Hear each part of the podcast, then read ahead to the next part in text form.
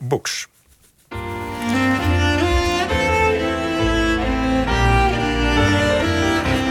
Het spoor terug. Ja, vandaag in het tweede deel van het tweeluik over 40 jaar IKEA. Uh, IKEA groeit vanaf 1987 van 1 naar 13 winkels in Nederland. En niet overal worden de plannen voor die nieuwe vestigingen met jubel ontvangen. Maar de klanten lijken ondanks alle scepties van tevoren wel massaal te vallen voor het concept van de vorig jaar overleden naamgever en oprichter Ingvar Kamprad. Luistert u naar OVT in IKEA-land, het programma van Michal Citroen... met bijdrage van Lars van der Bel en gemonteerd door Berry Kamer. Ik had geen andere keus. Daar kon ik mijn huis mee inrichten. Dat had niet gelukt als ik daar naar de meubelboulevard had gegaan. Dan had ik minimaal twee tot drie keer zoveel geld kwijt geweest. En dat had ik niet. Je hebt een verschillende bestedingsruimte binnen wat, wat, je, wat je verdient. En onze klanten hier in, in eh, Rotterdam hebben over het algemeen iets, iets minder te besteden. Prima, maar dan moet je ook andere ideeën laten zien. Inmiddels heeft IKEA in 49 landen meer dan 400 winkels. Dus dat telt aardig door. Hij vond het vroeger verschrikkelijk, Ikea. Als je Ikea zei, begon hij al te gillen. Hij wou nooit naar Ikea. Te, te, groot, te, te druk en te groot. En de, maar ja, nou hebben we het maar afleiding ermee. En zo zijn er meer oudere mannen. In de kamer, naast de deur. Zo'n grote uh, apothekerskast. Er hoort nog een plankje voor. En dat kon, op de een of andere manier is dat niet gelukt. Er staat nou een ettersoepblik, want anders kiept die kast naar voren. Dat staat er al 30 jaar geloof ik. Heel veel mannen hebben toch niet zo heel veel zin om deze winkel te doorkruisen. Dus uh, je ziet er wel uh, mannen nukkig bij kijken. Het is echt vaak een moedje. Hoe kom ik aan een stapelbed? Voor die vriend van mij, dan moet je even naar Ikea, daar hebben ze alles. Nou, ik naar Ikea en dat was niet zo'n groot succes. Maar dat kan aan mij gelegen hebben. Misschien ben ik op het verkeerde moment gegaan. Zaterdagmiddag half drie, is dat dom? In 40 jaar is veel geschreven over IKEA. In kranten, tijdschriften, in commentaren en vaak met verbazing. Wat bezielt mensen om zo massaal voor de Zweedse meubelgigant te kiezen? Want heel veel mensen hebben zoiets van... ja, IKEA, nou ja, dat is allemaal zo massa. En het idee is dat mensen een persoonlijk interieur willen hebben.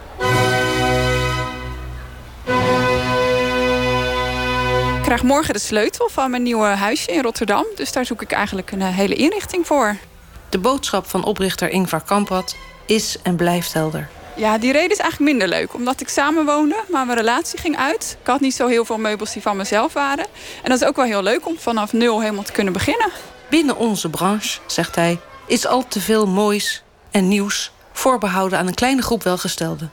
Ons doel is die situatie te veranderen. Met bewust wonen. Ik heb ook bij andere winkels gekeken, maar IKEA is wel heel compleet. En mijn huis is ook niet zo heel groot. En IKEA staat ook wel bekend om meubels voor niet hele grote huizen. En betaalbaar. En dus goedkoop voor iedereen. Je kocht behang. Je kon hetzelfde textiel kopen in diezelfde kleuren. Daar pasten de meubelen weer helemaal bij. Dus je kreeg een compleet concept. IKEA kan het alleen maar doen als ze dat op in gigantische aantallen produceren. En de marges kunnen omlaag met massaverkoop. IKEA begint uh, ieder designproces met een prijskaart. Het is heel bijzonder. Irene Sieraad van de TU Delft is cultureel antropologe en deskundig op het gebied van Nederlands interieur. En ze kunnen ook door hun enorme aantallen ook onderaannemers, want er zijn heel veel onderaannemers van IKEA, enorm onder druk zetten dat als die niet omlaag gaan met hun prijs, dat ze dan die enorme order missen. NRC, 30 oktober 1992. Met geel en blauw, de kleuren van de Zweedse vlag, zijn de meubelwarenhuizen van IKEA opvallende verschijningen in het landschap. Formeel is IKEA een Nederlands bedrijf. Maar de Zweedse herkomst en het daaraan verbonden imago van progressiviteit en betrouwbaarheid wordt dusdanig gecultiveerd dat IKEA zelfs niet op de ranglijst van Nederlandse bedrijven voorkomt. Anders zou het te boek staan als het op 15 na grootste concern van Nederland, met een wereldomzet van 7 miljard gulden en een personeelsbestand van 20.000 mensen. Triomfalisme en imposante cijfers passen niet bij IKEA. De in Nederland gevestigde multinational met een Deens hoofdkantoor en een in Zwitserland wonende eigenaar hangt liever de jonge woningpionier uit Zweden uit.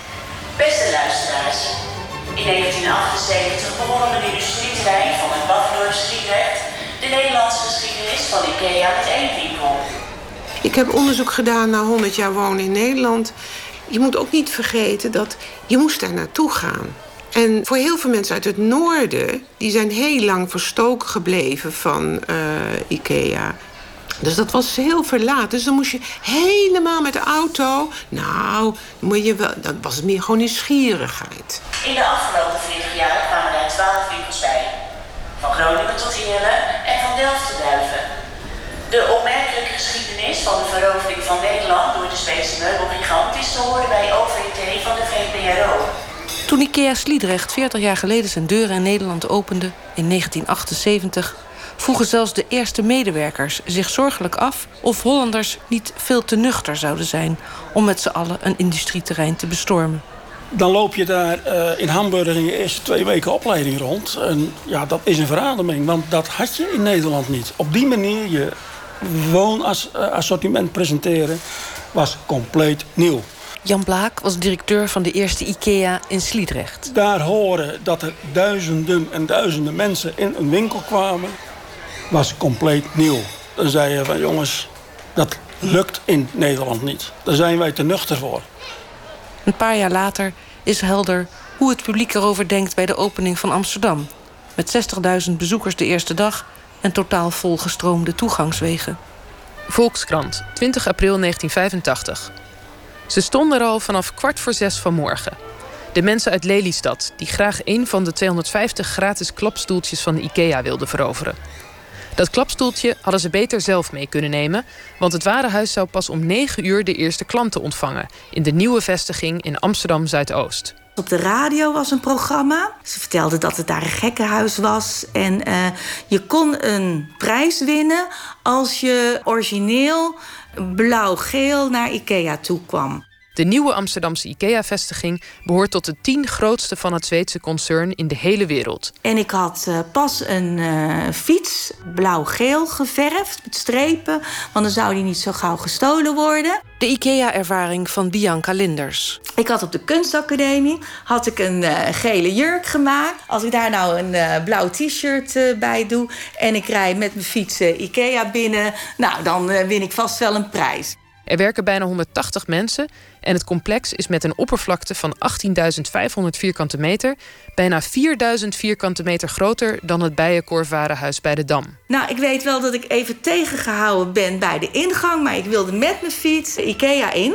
Ik wil niet een, echt een hoofdprijs. Je hebt maar, foto's. Ja, ik heb wel een foto van de lamp die ik won. Want ik won een lamp. Nou, die heb ik echt jarenlang gebruikt. Uh, nou ja, ziet hem op foto staan.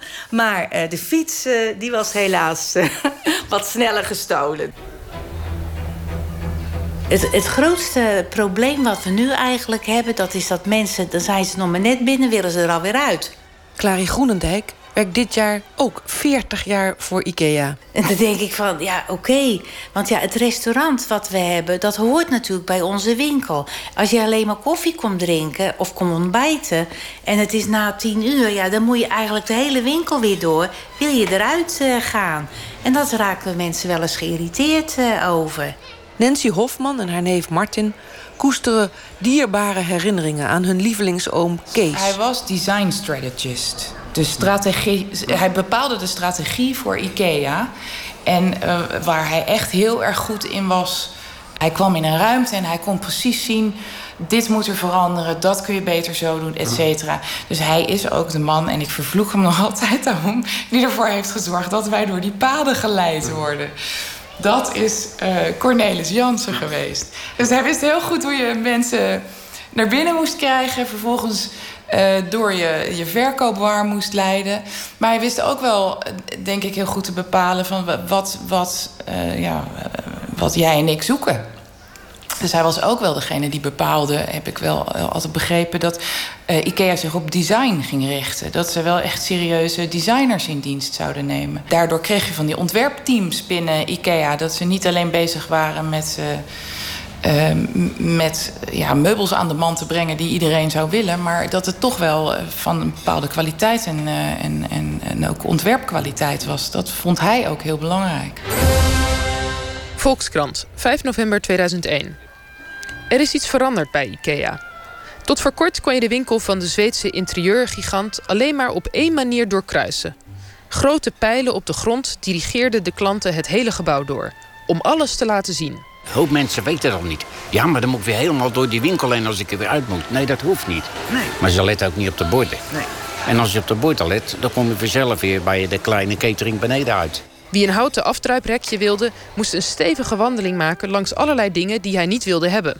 Langs gangpaden zo smal gemaakt dat de weg tegen het verkeer in uit den boze was. Weet je dat het een Nederlander is die dat bedacht heeft? Die route. Heel goed. Alleen tegenwoordig zijn ze sneaky, want ze hebben nou een deur verplaatst. Dus nou heb je geen hele korte route meer, dan moet je ietsje verder. Ja. IKEA kreeg hierover steeds meer klachten. Mensen hebben minder tijd en weten precies wat ze willen. En dus heeft IKEA Barendrecht extra gangetjes gemaakt... waarmee de snelle koper veel van de showroom kan overslaan. Nou, we gaan sowieso het hele pand door. Dan kom je natuurlijk vanzelf alle ruimtes tegen. En we begonnen net, als je hier binnenkomt beneden bij die roltrap... kom je eigenlijk gelijk al bij het uh, buitengedeelte. En daar hebben we denk ik al een kwartier gestaan... omdat we, omdat we daar al een leuk uh, uh, stoeltje zagen voor op het balkon. Dus we gaan eigenlijk gewoon alle ruimtes af. Bovendien is IKEA door wandelen voor velen een dagje uit. In plaats van door het bos wandelen. Ook bleef er enige tijd verzet als er ergens een nieuwe vestiging zou komen. Onze PR-medewerkster was met een, uh, een boottochtje mee van de middenstand. En daar waren ook mensen uit Duiven uitgenodigd. En wij waren bezig in gesprek met Duiven om een uh, volgend filiaal uh, te beginnen. En die mensen van de middenstand en van de politiek uit Duiven... die kregen te horen wat IKEA eigenlijk voor negatieve invloed had op de middenstand. Ik werd s'avonds nog gebeld in Zweden van Jan, dat gebeurt er. Dus vanaf dat moment hebben we weer sterk moeten lobbyen... om het weer voor elkaar te krijgen om toch in Duiven verder te kunnen. Want er ontstond daar ook op dat moment een verkeerd beeld. Trouw, 19 augustus 1986. Plan voor IKEA Delft haalt veel overhoop. Wanneer slager Pietersen zijn zaak sluit omdat hij in een naburige stad meer denkt te kunnen verdienen, gebeurt dat betrekkelijk geruisloos. Maar als het woonwarenhuis IKEA bekend maakt zijn vestiging te willen verplaatsen van Sliedrecht naar Delft, heeft dat het effect van een zware steen die in een vijver terechtkomt. Ik weet dat Ingvar Kamprad, de eigenaar, de, toen al zijn oog had laten vallen op de locatie in Delft. Dat was voor hem de gouden plek. Op die locatie waar Delft nu staat, wilde hij in de jaren 70 al een pand hebben. Maar goed, dat kon toen niet en dat heeft hij toen laten varen. En toen is men Sliedrecht uitgekomen. Er moet een bestemmingsplan worden gewijzigd. Er ontstaat een botsing tussen de gemeente Delft en de gedeputeerde staten van de provincie Zuid-Holland. En er komt een uitvoerig rapport over de gevolgen van de verhuizing voor de regionale middenstand. Ik was burgemeester vanaf 1985. Wij hebben IKEA niet gekozen, IKEA heeft ons gekozen. En IKEA heeft ons gekozen, want dat was handig. Dan zaten ze precies tussen Rotterdam en Den Haag in. En het leukste, daar zat al een afrit. Oud-burgemeester van Delft, Huip van Walsum, intussen 86 jaar oud, weet nog goed wat er toen speelde. Ik had gehoord dat uh, daar oorspronkelijk een plan was om aan die kant stedenbouw te plegen en een ontwikkeling van, de stad te maken tot aan de Noordveense dijk, waar Pijnacker begint.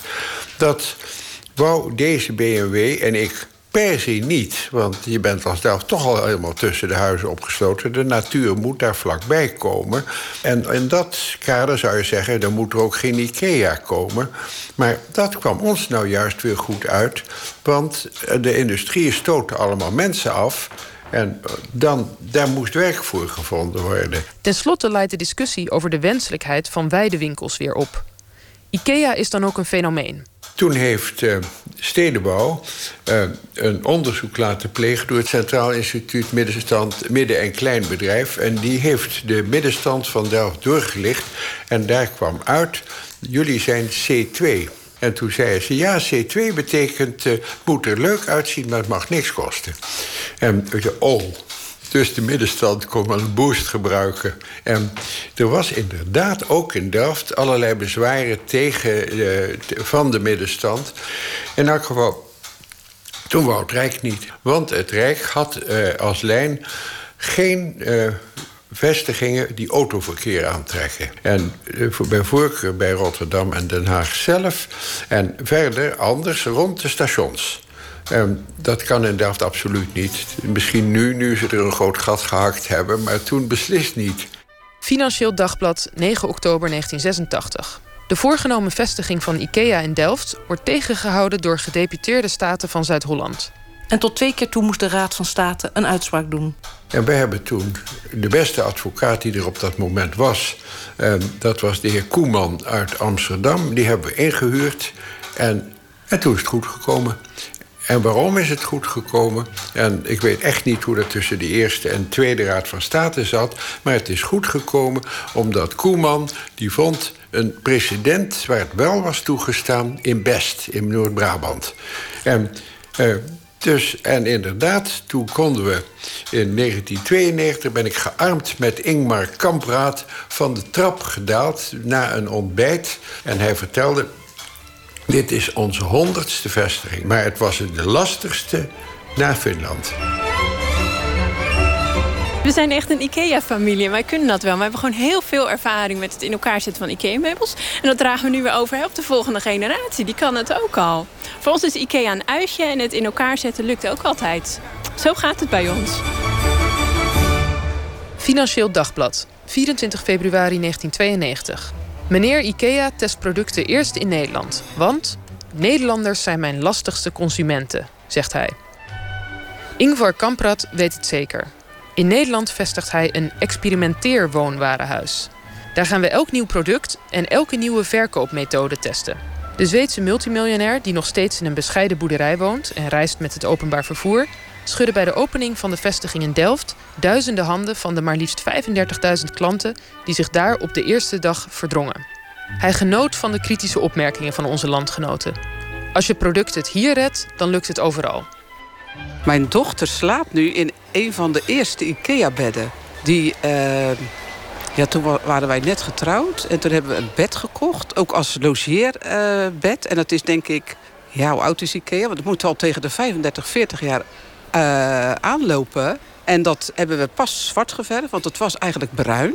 Het is tussendoor nog wit geweest. En nu, en heeft ze de kamer weer veranderd, hebben we het weer zwart geverfd. Maar dat zijn een van de eerste IKEA-aankopen destijds. Ik heb een, uh, een hoogslaper van IKEA, een kleed en vast nog wel veel meer. Maar met de IKEA-bouwpakketten kan ik helemaal los. Ik heb ook geholpen met de bank van mijn oma in elkaar zetten. Trouw, 11 april 1997. Heel IKEA praat over ethiek. IKEA maakt prachtige spullen voor kinderen, maar ik zou zo graag willen dat ze ook denken aan die kinderen die die spullen maken. En dat die ook naar school kunnen en ook het liefst nog op zulke mooie, met zulk mooi speelgoed kunnen spelen. Eind jaren 90 moet IKEA alle zeilen bijzetten om de reputatie te herstellen. Na bekend wordt dat er in de productie van IKEA-spullen in Pakistan en India sprake is van kinderarbeid. De tapijtenaffaire zette het woonbedrijf aan het denken. En er wordt bij IKEA hard gewerkt aan een ethische code. Want IKEA is zo'n groot bedrijf, die zijn best in staat om hun spullen zo te maken dat het ook voor de kinderen in India beter geregeld is. Sinds het bedrijf in opspraak kwam door de door kinderen vervaardigde tapijten in India en Pakistan, staat zo'n code bovenaan de agenda.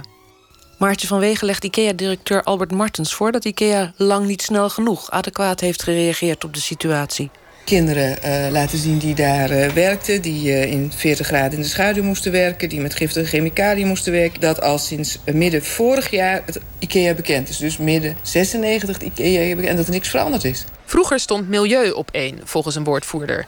Nu is dat bedrijfsethiek. Nou, het beleid van IKEA is dat wij kinderarbeid niet accepteren. Nee. Dat we geen enkel, met geen enkel bedrijf willen werken waar kinderarbeid voorkomt. Maar dit zou u weten.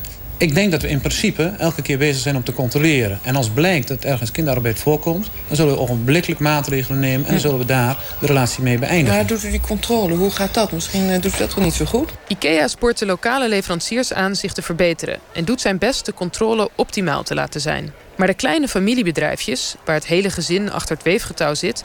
daar kunnen ze geen afspraken mee maken. Als er dingen gebeuren die IKEA niet kan zien dan zal er best iets aan de hand kunnen zijn dat wij nog meer moeten gaan controleren. Maar ons beleid blijft erop gericht om absoluut geen kinderarbeid toe te staan. Maar Als dit blijkt dat dit waar is, en dat zullen wij uh, direct morgen gaan uitzoeken, hm? dan zou het kunnen zijn dat we nog meer moeten gaan controleren.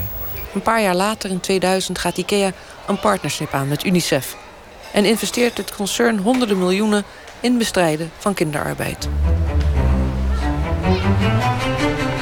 Het was leuk om bij Ikea te kopen. Het was leuk om bij Ikea te zijn. Maar ja, dan begon uh, de strijd. Het opbouwen.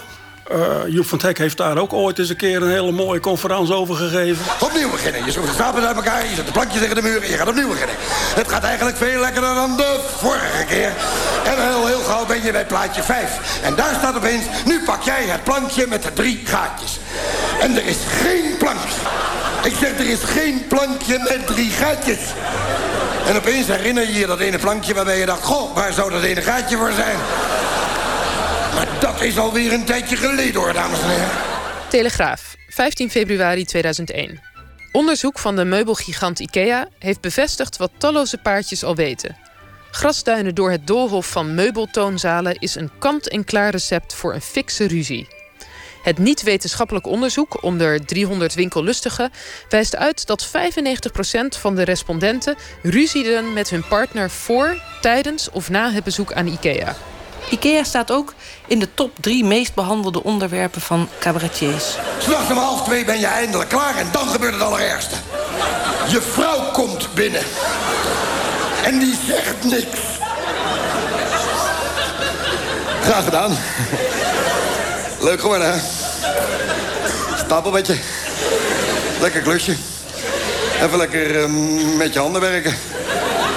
Even niks aan je hoofd. En dan zegt zij... Ik wil mij nergens... NRC, 30 oktober 1992. IKEA groeide uit tot een eigen wereldje. Met IKEA-schrijfgerij aan IKEA-bureaus, op IKEA-vloeren en tussen IKEA-planten. IKEA-cultuur is er een zonder koude drukte. Klanten worden stevast aangesproken met je en jij. Ja, dat, uh, vonden mensen niet uh, gepast uh, altijd. Maar ja, dat is het concept van, van IKEA. Dus ja, daar kun je natuurlijk weinig aan veranderen. Een jaar of veertig geleden bijna, dus toen IKEA pas in Nederland was... is de vestiging Westervoort Duivend geopend. En mijn schoonouders die zijn een keertje naar IKEA gegaan... om eens te kijken wat dat zoal was. Marty Keuning mailde OVT met een verhaal over haar schoonvader. Mijn schoonvader was toen bijna 70 en kwam thuis en was nogal verontwaardigd, want iedereen zei jij en jou. Ze hadden een briefje bij zich en daar mochten ze een slagzin op invullen. En dan had je kans op een prijs. En hij heeft gelijk zijn kritiek omgezet in een slagzin. In de trant van uh, het warenhuis waar, je, uh, waar u, jij en jou wordt. Uh, nou, de strekking van het rijmpje weet ik niet meer. Maar hij heeft het opgeschreven, ingestuurd. En een aantal weken later kreeg hij tot zijn verrassing de eerste prijs voor zijn eh, slagzin, die dus kritisch was bedoeld. En hij won een reis met zijn vrouw samen, drie dagen Gothenburg. En uh, ze zijn geweest en vanaf toen kon Ikea niet meer stuk bij hun natuurlijk. Het is nu half vijf. Wij zijn om elf uur vertrokken. We waren hier om ongeveer half twaalf. En we moeten heel de benedenverdieping nog. We zijn alleen nog maar boven geweest. Op het begin was het de hele tijd heel leuk. Maar toen kwamen we bij de tafels voor in de eetkamer. En dat duurde heel lang. Maar nu gaan we naar beneden en dan hoop ik dat het daar weer uh, wat, wat sneller gaat allemaal. Uh, maanden terug was ik hier al een keer geweest. En toen had ik een tafel gezien.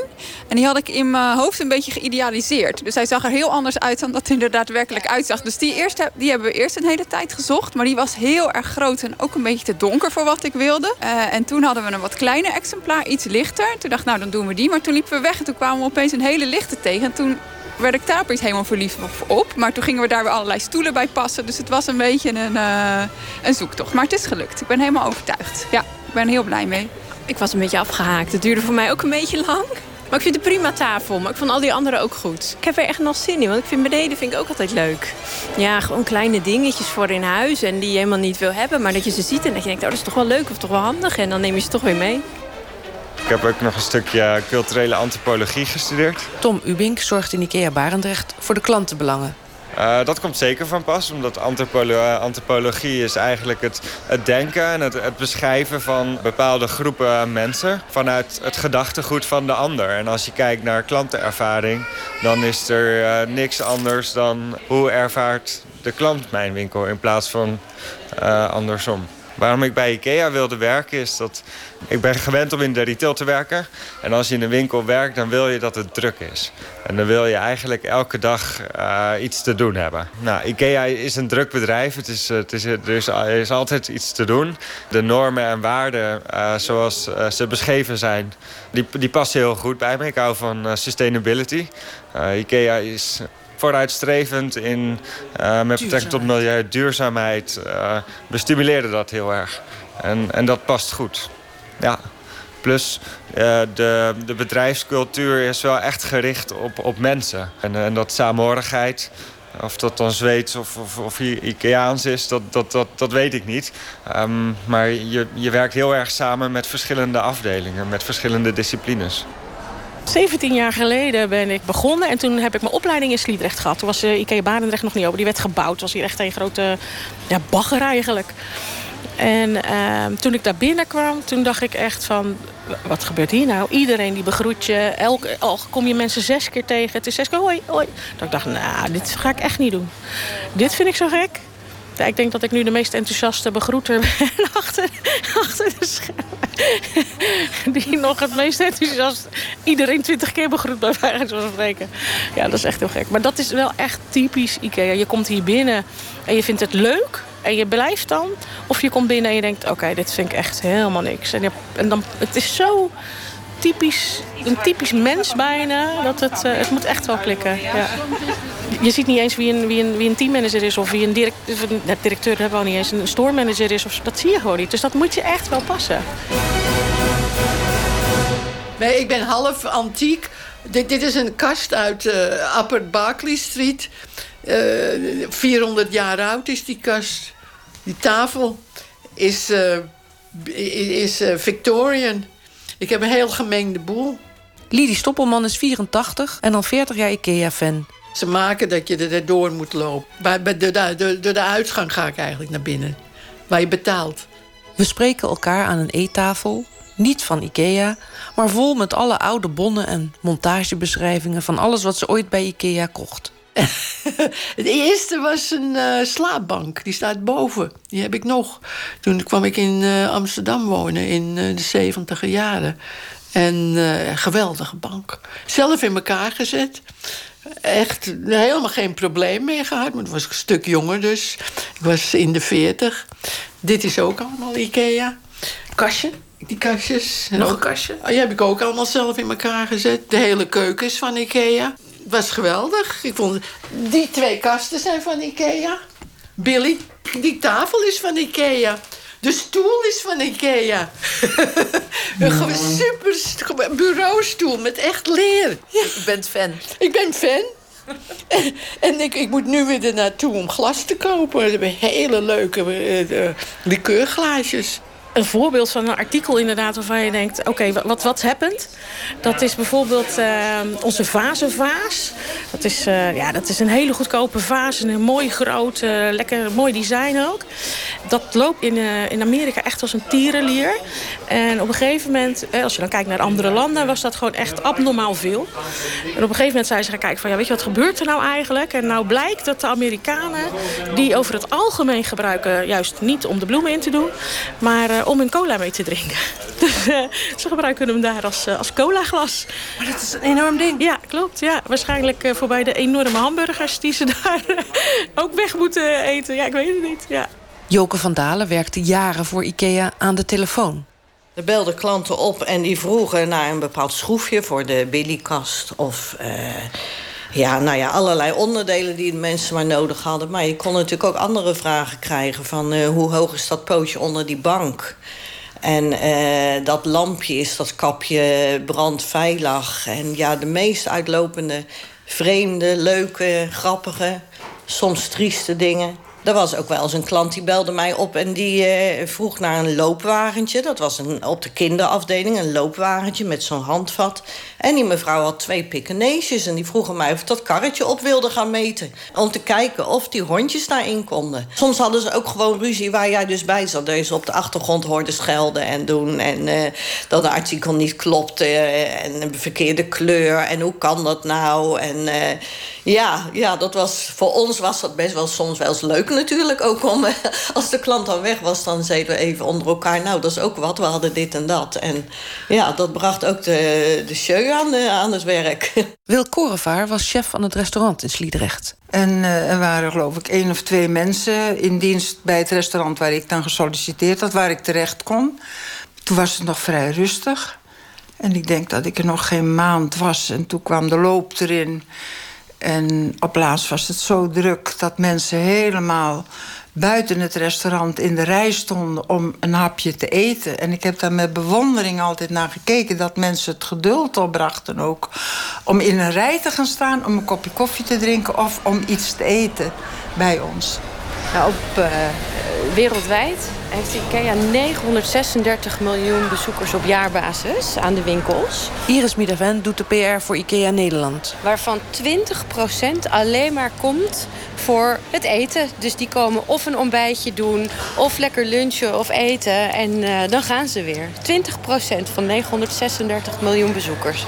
Maar dat is heel fors. En dat is het mooie eigenlijk daaraan dat per nou, niet per toeval, maar dat het nooit een doel op zich is geweest... om van het restaurant en de Swedish Foodmarkt en de bistro... een bedrijf op zich te maken. Maar omdat het zo groot is, is het een heel belangrijk onderdeel... van het totale IKEA-concept geworden. De, het restaurant moest eerste klas kwaliteit bieden. En dan ligt het natuurlijk ook aan de afdelingschef die we toen hadden... dat hij ook wel het beste zocht wat er te vinden was. Maar ook ons allemaal leerde van hoe dat we het moesten doen. En we kregen absoluut voorlichting uit Zweden vandaan. En uh, met, met mails, met, met brieven waar jij aan moest houden. Het smeurenbreud, dat moest helemaal apart gemaakt worden. Ja, en, en de Zweeds, had, had u enig idee van de Zweedse keuken? Totaal niet. Maar je leert snel. Ja, want u zegt het vrij makkelijk. Ja. Smeur. Het smeurenbreud. Volkskrant, 1 augustus 1998. Noren en Zweden gewikkeld in gehaktbaloorlog. Aanleiding zijn de hoge invoerrechten die Oslo heft op de gehaktballen en de hotdogs die het Zweedse concern IKEA aan zijn vestigingen in Noorwegen levert. IKEA, dat in 145 vestigingen over de hele wereld traditionele Zweedse gerechten serveert, zegt dat door de hoge invoerrechten de gerechten in Noorwegen viermaal zo duur zijn als in Zweden. De Noorse vestigingen krijgen in totaal jaarlijks 25 ton gehaktballen en 18 ton hotdogs aangeleverd. IKEA heeft gedreigd te stoppen met de import van de 500 ton zalm... die het jaarlijks uit Noorwegen haalt voor zijn bedrijfskantines. Uh, wat, wat, wij, eigenlijk verwachten is... Uh, dat het uh, volstroomt met, met mensen die uh, komen voor het, uh, het ontbijt van, van 1 euro. Dat zijn er veel? Dat zijn er heel veel. Dat zijn er heel veel. En ook heel veel vaste mensen. Mensen die al jaren hier komen, die met elkaar afspreken bij IKEA om te ontbijten. Mensen rennen zelfs naar binnen als de deur open gaat. Ja. Er zijn mensen die willen als eerste oh, daar komen ze het al. ontbijtje ja, hebben. zeker. En die zoeken een vaste plek op.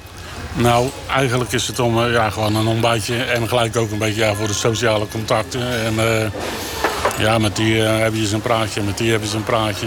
Ja, dan zitten we een beetje te discussiëren en uh, zeg maar een beetje de tijd vol te maken tot een uur of half elf. Altijd op deze plek? Ja, ik vanaf mijn pensioen. Dat is nou elf jaar. En mijn vrouw die komt nog lang, hè? En jullie kennen elkaar allemaal? Ja, ja. ja, wij zijn echt, uh, alleen, alleen, echte Ikea-vrienden, hoor. We gingen vroeger bij de HEMA ontbijten. En ik ben iemand van principes. En dan gaan ze het ontbijt 1 euro duurder maken. Van 1 euro naar 2 euro. En toen hadden wij zoiets van, ja, we gaan ergens anders heen. En toen zijn we naar Ikea gegaan. Ik ken al vaste Ik kom ook wel eens vaker door de week. Zaterdag ben ik er ook. Moet ik wel 15 kilometer fietsen voordat ik hier ben. Maar uh, ja, en dan heb ik, heb ik de kans of Delft of hier. Ja, hier is het 100 keer beter dan Delft. Het is eigenlijk een hele sociale film. We zijn wel 15 euro, 15 euro benzine kwijt. Maar uh, het is maar 1 euro. Maar we komen uit Rotterdam. Kijk, onderop nog drie maal. Deze heb ik niet nodig, mevrouw. Want de kop, u mag even witte kopjes erbij pakken. Die zitten er al bij. Voor de koffie en de thee, ja. Twee, drie. Drie euro, alsjeblieft.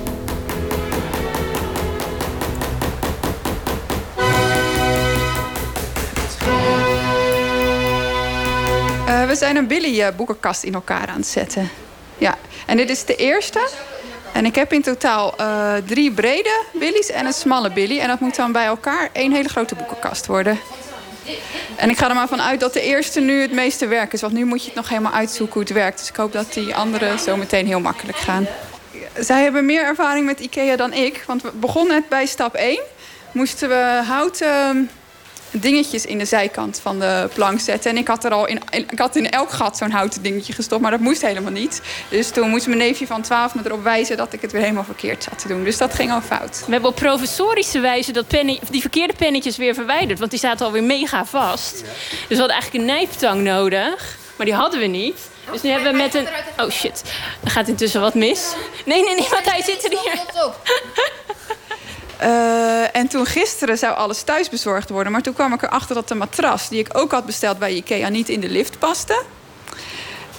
Deze wel, maar dat was een, een rechte matras die niet opgevouwen kon worden. Die paste niet in de lift. En toen moest de bezorger de hele bestelling weer meenemen. Dus dat ging even mis. Dus toen ben ik weer teruggegaan naar de Ikea om een andere matras uit te zoeken die je wel op kon rollen.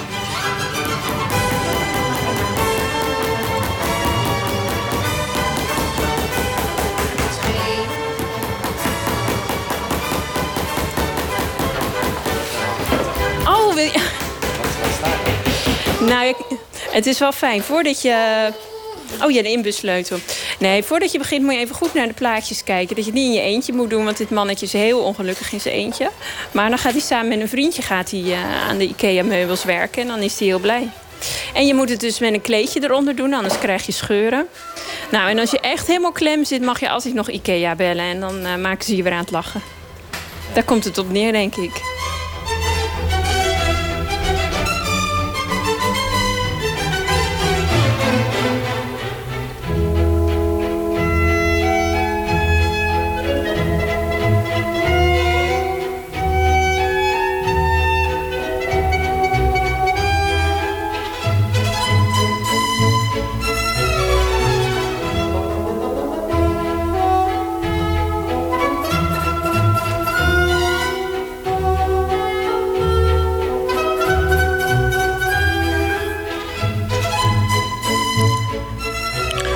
Dit was het tweede en laatste deel van IKEA-land... over de geschiedenis van IKEA in Nederland.